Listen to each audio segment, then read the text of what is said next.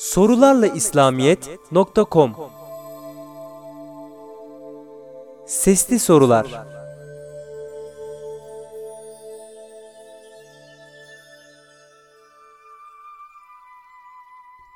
Sonsuzluk anlaşılabilir mi? Bir bardağa denizin yerleşmesi mümkün olmadığı gibi sınırlı olan insan aklının da sonsuzu kavraması mümkün değildir. Şu var ki insan sonsuzu anlaması bile onun varlığını bilebilir.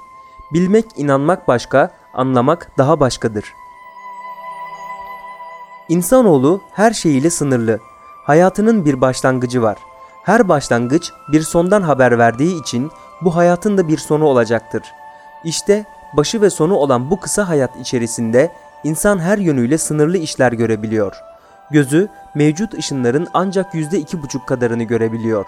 Kulağı sadece belli bir frekanstaki sesleri işitebiliyor. Madde aleminde açıkça görünen bu hakikat ruh aleminde de geçerli. İnsan aklı her şeyi anlayamıyor. Zira öğrenmeye başlamasının bir başlangıcı var. Başlangıcı olan ilim sonsuz da olamıyor. Tıpkı hayat gibi.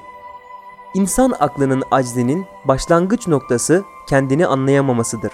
Şu sınırlı akıl henüz kendini anlamış değilken nasıl oluyor da sonsuzu anlamaya kalkışabiliyor?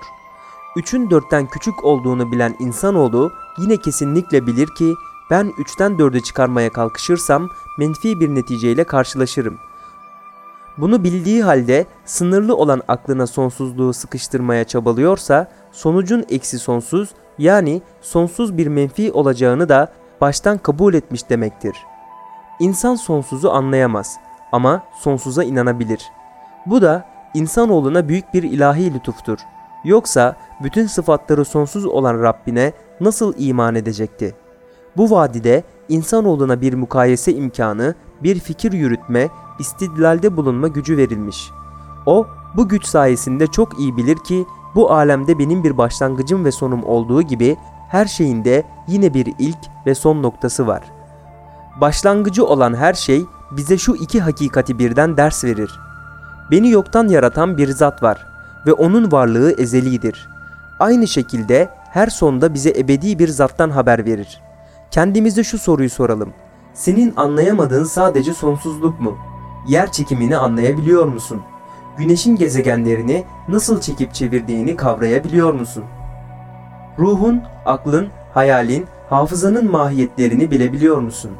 Elma ağacının içindeki o manevi fabrikayı izah edebilmiş misin? Yumurta nasıl oluyor da uçan bir kuş oluyor?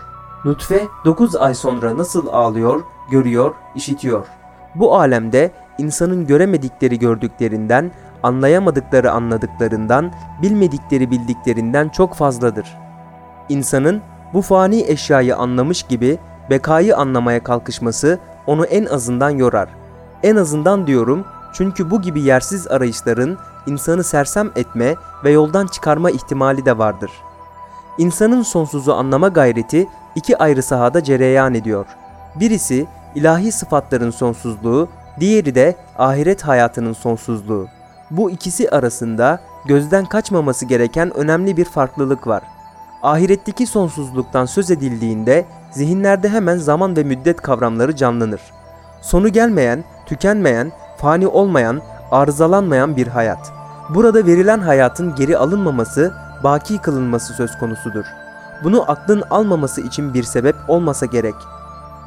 Allah'ın sıfatlarının sonsuzluğuna gelince, onun kudreti sonsuzdur demek, ne kadar alem yaratırsa yaratsın, kudretinde bir noksanlık olmaz demektir.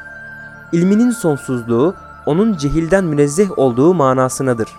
Diğer sıfatlar da aynı şekilde aynı mantık içerisinde değerlendirilmelidir. Ezeli olan elbette ebedidir hakikati Cenab-ı Hakk'ın zatı içinde geçerlidir, sıfatları içinde. Yani onun bütün sıfatları sonsuzdur, ebedidir. Zira hiçbiri sonradan var olmuş değildir. Hepsi ezelidir. Yazan Profesör Doktor Alaaddin Başar Sorularla İslamiyet sundu.